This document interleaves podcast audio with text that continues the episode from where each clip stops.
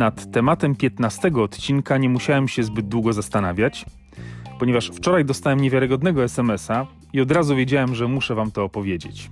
I napisać na stronie swoją drogą. Autor wyraził zgodę, więc jestem mu za to bardzo wdzięczny.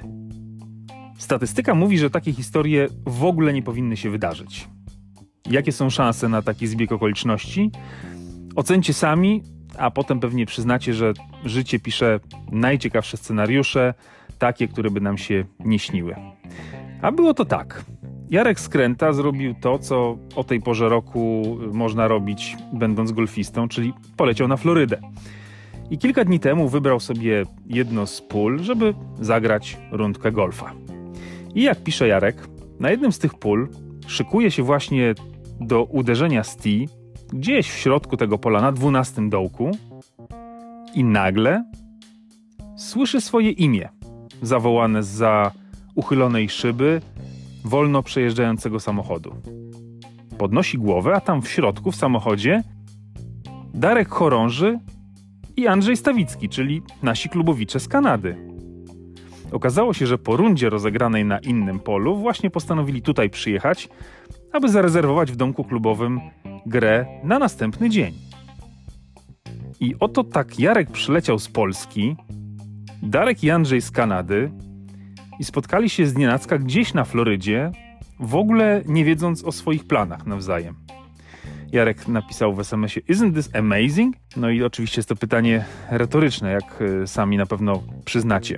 A tu mały trend. Od razu sprawdziłem, ile jest pól na Florydzie i ogólnodostępne źródła podają tak między, między 1100 a 1250 pól.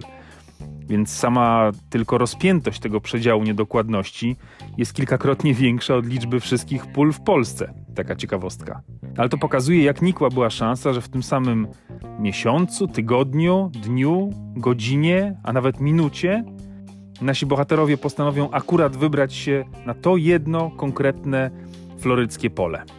Jarek dalej to analizował i pisał, że przeskoczył wolniej grających, potem treningowo patował po parę razy, czasem rzucał dwie piłki, żeby e, sobie zagrać tak ćwiczebnie. Krótko mówiąc, tyle rzeczy mogło pójść inaczej, do spotkania by w ogóle nie doszło. Kilkadziesiąt sekund później Jarek pewnie już by uderzył z i poszedł gdzieś dalej i koledzy z samochodu w ogóle nie mieliby szans go dostrzec. No i tak można się długo zastanawiać i gdybać. Jak usłyszałem tę historię, to od razu mi się przypomniał słynny film wczesnego Krzysztofa Kieślowskiego Przypadek. Opowiada on trzy warianty tej samej historii, która całkowicie inaczej się toczy, w zależności od tego, czy główny bohater, w tej roli młody Bogusław Linda, wpadając na peron zdąży na pociąg czy nie. I tu też można by sobie było wyobrazić, że kilkanaście sekund wcześniej czy później spotkają się lub się nie spotkają i co z tego wyniknie. No ale najwyraźniej Royal przyciąga klubowiczów w jakiś niewiarygodny sposób i statystyka przestaje nas obowiązywać. No i dobrze, bo by tej historii wtedy nie było. I to trochę jak statystyka pokazywana w trakcie telewizyjnych relacji z turniejów. Staje taki John Ram do kilkunastometrowego pata. Na ekranie wyświetla się prawdopodobieństwo trafienia, nie wiem, 9% albo 13%. Ram oczywiście tych liczb nie widzi i trafia, zadając kłam statystyce. A jeśli nie kłam, to w każdym razie pokazując, że jeśli szanse są niezerowe, to jednak zawsze może się udać.